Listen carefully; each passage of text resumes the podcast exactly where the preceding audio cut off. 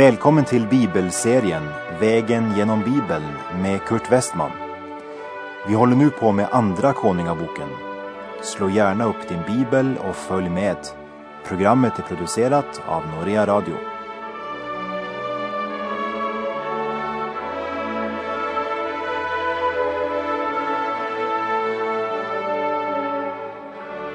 Vi avslutade förra programmet med att Josia, kungen i Juda, rustar upp templet som höll på att förfalla.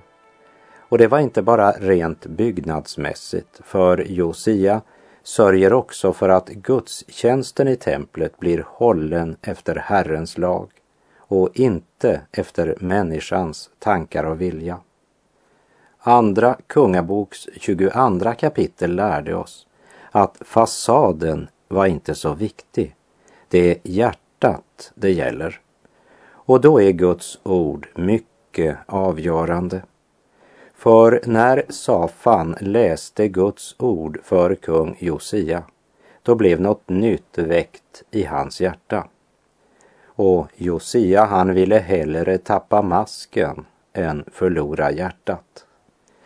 Josia fromhet var sann och äkta det var något mer än bara en fasad.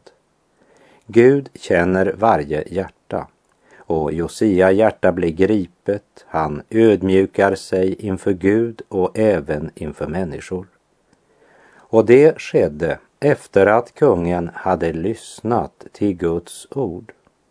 Och det förde inte till en teologisk värdering eller ett teoretiskt samtal om hur man ska uttrycka dessa sanningar. Nej, kungen tar genast konsekvensen av det han har hört. Han omvänder sig och söker Gud. Tema för det här kapitlet är Tillbaka till Bibeln. Andra Kungabok kapitel 23, vers 1 till och med 3. Då sände kungen iväg män som samlade till honom alla de äldste i Juda och Jerusalem. Och kungen gick upp i Herrens hus och alla Judas män och alla Jerusalems invånare följde honom och prästerna och profeterna, ja, allt folket från den minste till den störste. Och han läste upp för dem allt vad som stod i förbundsboken som hade blivit funnen i Herrens hus. Och kungen trädde fram till pelaren och slöt inför Herrens ansikte det förbundet, att det skulle följa efter Herren och hålla hans bud. Hans vittnesbörd och hans stadgar av hela sitt hjärta och av hela sin själ.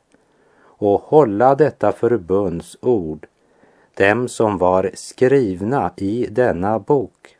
Och allt folket trädde in i förbundet. Folket får veta att eh, det är inte nog att höra Guds ord.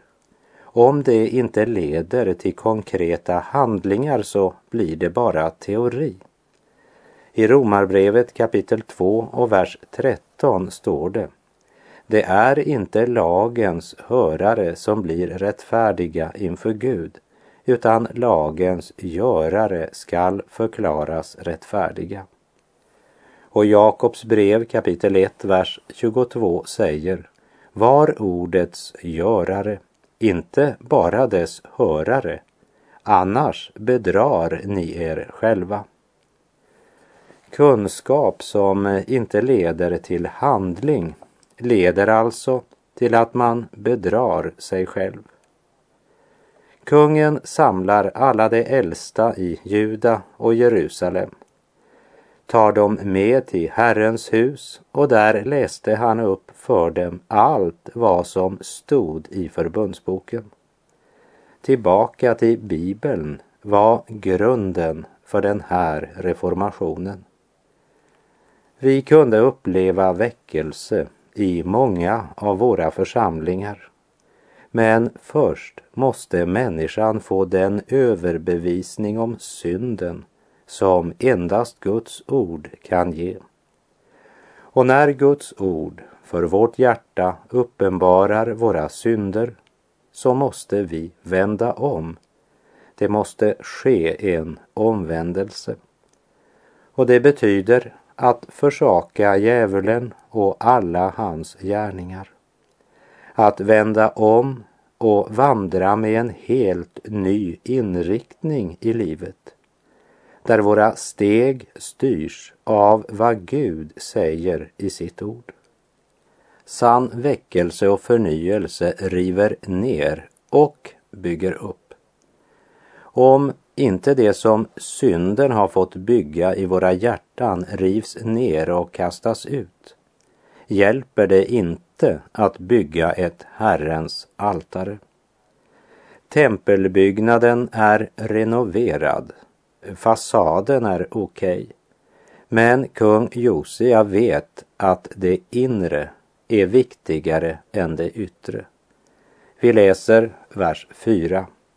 Därefter befallde kungen överste prästen Hilkia och prästerna närmast under honom, likaså dem som höll vakt vid tröskeln, att de skulle föra bort ur Herrens tempel alla de redskap som var gjorda åt Baal och Aseran och åt himmelens hela härskara. Och han lät bränna upp dem utanför Jerusalem på Kidrons fält. Och askan av dem lät han föra till Betel.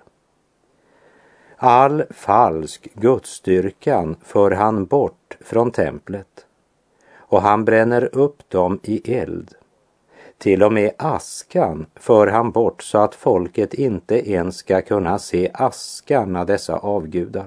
Och han avsatte avgudaprästerna. Vers 6.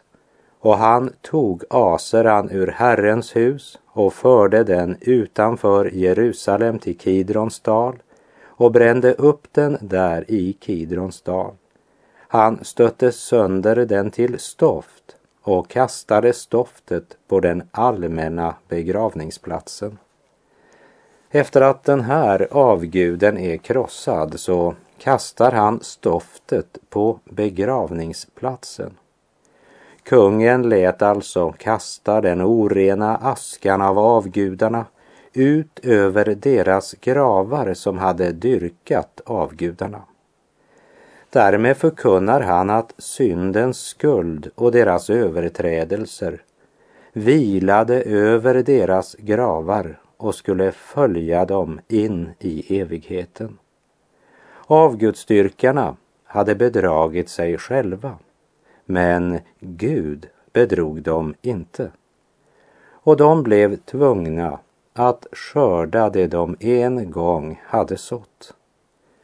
Du kan lita på att den här handlingen skakade judafolk. De förstod den här åskådningsundervisningen med askan av avgudarna som kastades på gravarna till de människor som hade dyrkat dem. Deras synder följde dem i graven. Det är allvarligt. Och nu tar kung Josia nästa steg. Nu tar han itu med omoralen. Vers 7. Han rev ner det hus där de män höll till som bedrev tempelotukt i Herrens hus och där kvinnorna vävde tyg till tält till Aseran. I den engelska King James översättning står det Han bröt ner det hus där sodomiterna höll till. Och jag läser ifrån Judas brev kapitel 1 och vers 7. Så är det med Sodom och Gomorra och städerna där omkring. På samma sätt bedrev de otukt och följde onaturliga begär. Det står som ett varnande exempel och får sitt straff i evig eld. Medan kyrkan idag betraktar homosexualitet som acceptabelt så säger Gud i Romarbrevet 1, vers 26 och 27 Därför utelämnade Gud dem till skamliga lidelser. Deras kvinnor bytte ut det naturliga umgänget mot det onaturliga. På samma sätt övergav männen det naturliga umgänget med kvinnan och upptändes av begär till varandra. Män bedrev otukt med män och fick själva ta det rättvisa straffet för sin förvillelse. Omoralen kommer att fräta på vår nation som en cancersvulst om vi fortsätter och ger vårt medhåll till denna onaturliga sexualitet som Guds ord så klart dömer som synd. Josia hade mod att döma sodomiterna och han rev ner huset där de höll till. Han satte stopp för deras verksamhet. Homosexualitet blir inte mindre synd därför att en präst bestämmer sig för att välsigna det. Jesus säger i Matteus 15 att från hjärtat kommer onda tankar, mord, äktenskapsbrott, otukt, stöld, falskt vittnesbörd och hädelser. Sådant orenar människan, säger Jesus. Och Jesus säger också i samma kapitel att om en blind leder en blind så faller båda i gropen. Ja, det är en evig sanning. Jesus säger mycket klart att Sodoms synder åstadkommer Guds vrede. Det gjorde det i gångna tider och han har inte förändrats. Josia var en modig man och han rev ner sodomiternas hus och stoppade deras verksamhet. Att låta folk fortsätta att leva i synd är inte kärlek. Den som hävdar det är sannolikt själv så bunden i synd att han är helt ovetande om vad befrielsen i Kristus är.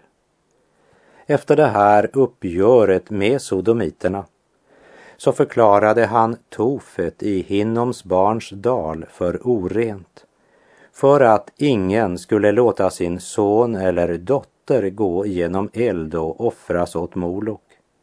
Han stoppade alltså totalt offrandet av barn. Alla avgudar som kungarna före honom hade fört in till Juda utrotade Josia. Ja, han gick faktiskt utöver Judas gräns helt upp till Betel. I Andra krönikerbok 34-33 så sammanfattas allt detta i en vers. Och Josia skaffade bort alla styggelser ur Israels barns alla landområden och beordrade alla som fanns i Israel att tjäna Herren sin Gud. Så länge han levde vek det inte av från Herren sina fäders Gud. Och det är mycket intressant att lägga märke till att i Betel kommer Josia till den grav där den gudsman ifrån Juda var begraven som hade profeterat att det här skulle ske.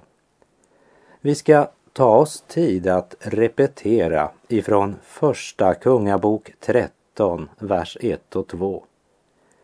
Men då kom på Herrens befallning en gudsman från Juda till Betel just när Jerobeam stod vid altaret för att tända offereld.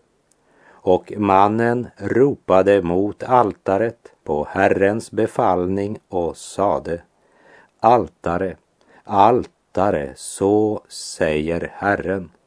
Se, åt Davids hus skall födas en son vid namn Josia han skall på dig slakta offerhöjdsprästerna som tänder offereld på dig och människoben skall man då bränna upp på dig.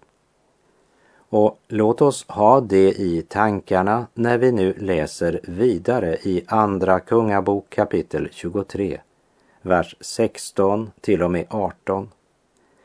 När då Josia såg sig om och fick se gravarna som var där på berget sände han bort och lät hämta benen ur gravarna och brände upp dem på altaret och orenade det så i enlighet med det Herrens ord som hade blivit förkunnat av gudsmannen som förkunnade att detta skulle ske. Och han frågade, vad är det för en vård som jag ser där? Folket i staden svarade honom, det är den gudsmans grav som kom från Juda och ropade mot altaret i Betel att det skulle ske som du nu har gjort. Då sade han, låt honom vara, ingen må röra hans ben. Så lämnade man då hans ben i fred och även benen av den profet som hade kommit dit från Samarien. Jerobeam, som var den som i sin tid satte upp guldkalvarna både i Dan och i Betel, hade hört gudsmannen från Juda ropa ut sin profetia mot avgudsaltaret han rest. Andra Kungabok kapitel 23 handlar alltså om den bokstavliga uppfyllelsen av denna profetia. Det går som Gud har sagt. Människan spår, men Gud rår.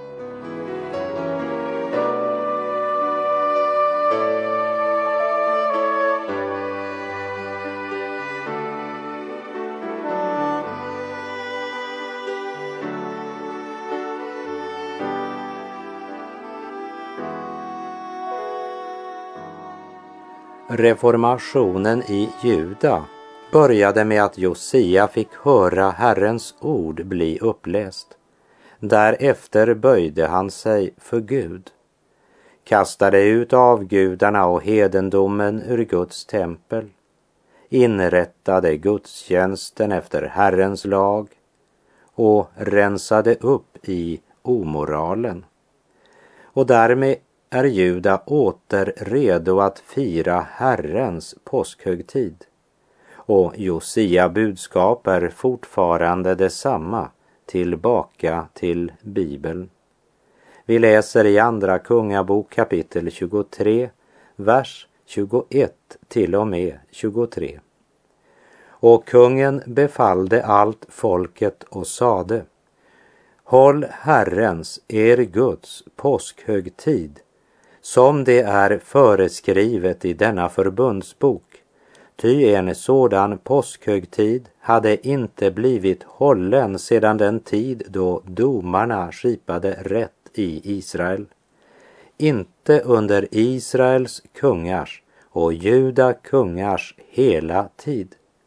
Först i kung Josias artonde regeringsår hölls en sådan Herrens påskhögtid i Jerusalem. Att eh, fira påsk och hålla denna Herrens högtid helig är en god och underbar och välsignad sak. Men Juda hade glömt och förringat denna stora och heliga högtid. Högtiden som framför andra pekar på Jesu Kristi fullkomliga offergärning. Men Folket hade glömt den. I Första Korinterbrev 5, vers 7 står det Rensa bort den gamla surdegen för att ni må vara en ny deg, eftersom ni är osyrade. Ty vårt påskalamm Kristus har blivit slaktat. Låt oss därför hålla högtid. Idag försöker vi praktisera en religion utan Kristus. Ordet om Guds lamm och hans renande blod som är det enda som kan frälsa oss har förstummat på många talarstolar. Och det enda som kan rädda vår nation idag är en väckelse. Vi kan inte förändra världen genom en massa demonstrationer. Utan det vi verkligen behöver är en djup och inre överbevisning skapad av det ord som dödar och gör levande. När bekände du sist din likgiltighet inför Herren? Har du idag sagt till Herren att du älskar honom? Han är din frälsare, min vän. Och jag tror att också i vår mörka tid, mitt i en värld där synden flödar över och Gud hånas, så kan en väckelse komma, precis som den kom i gångna tider när det var som mörkast. Inte genom någon människas styrka eller makt, men genom Guds ande. Det jag läser om Josia, Juda kung, inspirerar och uppmuntrar. Ingenting är omöjligt för Gud. Men det måste börja med oss, med att vi som kristna återvänder till Bibeln. Tillbaka till Bibeln är vår enda räddning.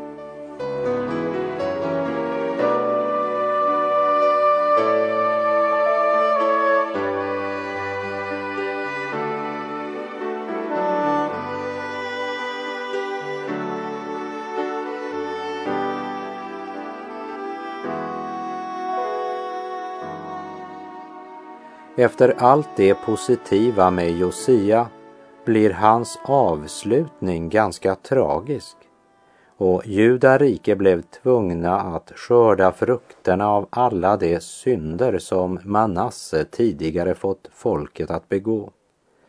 Och så läser vi att Juda kung Josia plötsligt drar i strid och kämpar på sina gamla fiender assyriernas sida. När Juda gamla fiender, Egypten och Assyrien stred, så borde Josia och Juda ha hållit sig utanför den striden. Josia hade egentligen ingenting med den att göra. Vi läser vers 29. Under hans tid drog farao Neko, kungen i Egypten, upp mot kungen i Assyrien till floden Frat. Då tågade kung Josia emot honom men blev dödad av honom vid Megiddo under första sammandrabbningen. Josia var en stor gudsman, men han var dåraktigt impulsiv. Han gav sig in i en strid som han egentligen inte hade något att göra med liksom vårt kära Sverige älskar att leka världssamvete. Men det är inte svensk politik världen behöver idag, men Guds eviga ord. Det hjälper inte att kasta ut vår propaganda över världen samtidigt som vi själva sjunker allt djupare i omoral och synd vi står inte längre under välsignelsen. Vi måste vända om. Tillbaka till Bibeln, det är saken. Vi läser vers 31 till och med 33.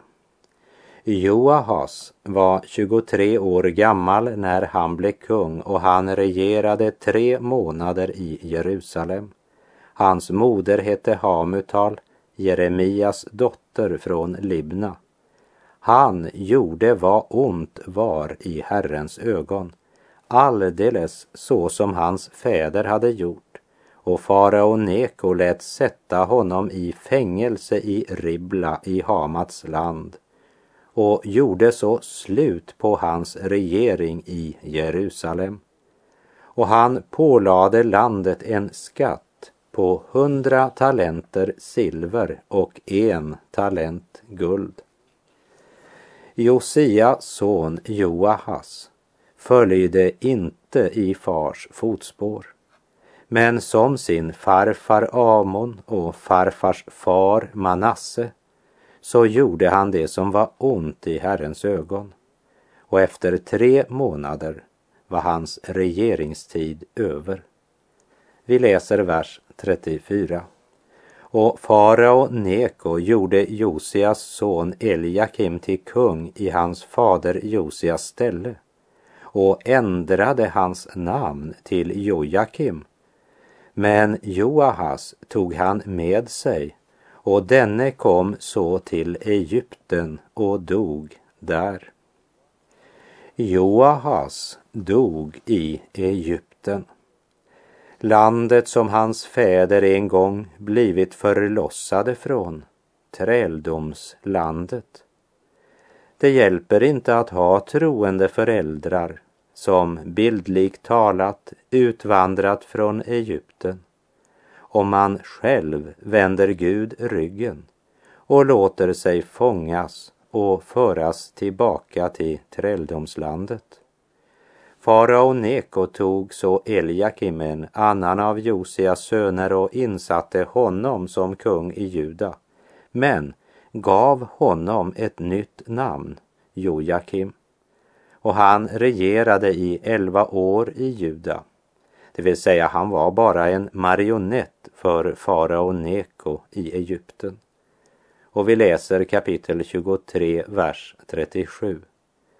Han gjorde vad ont var i Herrens ögon, alldeles så som hans fäder hade gjort. Väckelsen har stillnat i Juda och man sjunker djupare och djupare i synden och vandrar från askan till elden. Vid den här tiden reser sig den stora makten Babylon i öst Babel eller Babylon besegrar Assyrien och senare även Egypten och blir den första verkligt stora världsmakten som vi kan se i Daniels bok. Och här borde vi ta oss tid att läsa lite i profeten Jeremia bok. För han var profet under den tiden. Han var den som genom sitt budskap försökte kalla Juda tillbaka till Gud. Och han varnade dem och sa att om de inte vände om till Herren så skulle de bli bortförda till Babel i fångenskap. Men Jeremia budskap, det verkade så otroligt för folket i Juda.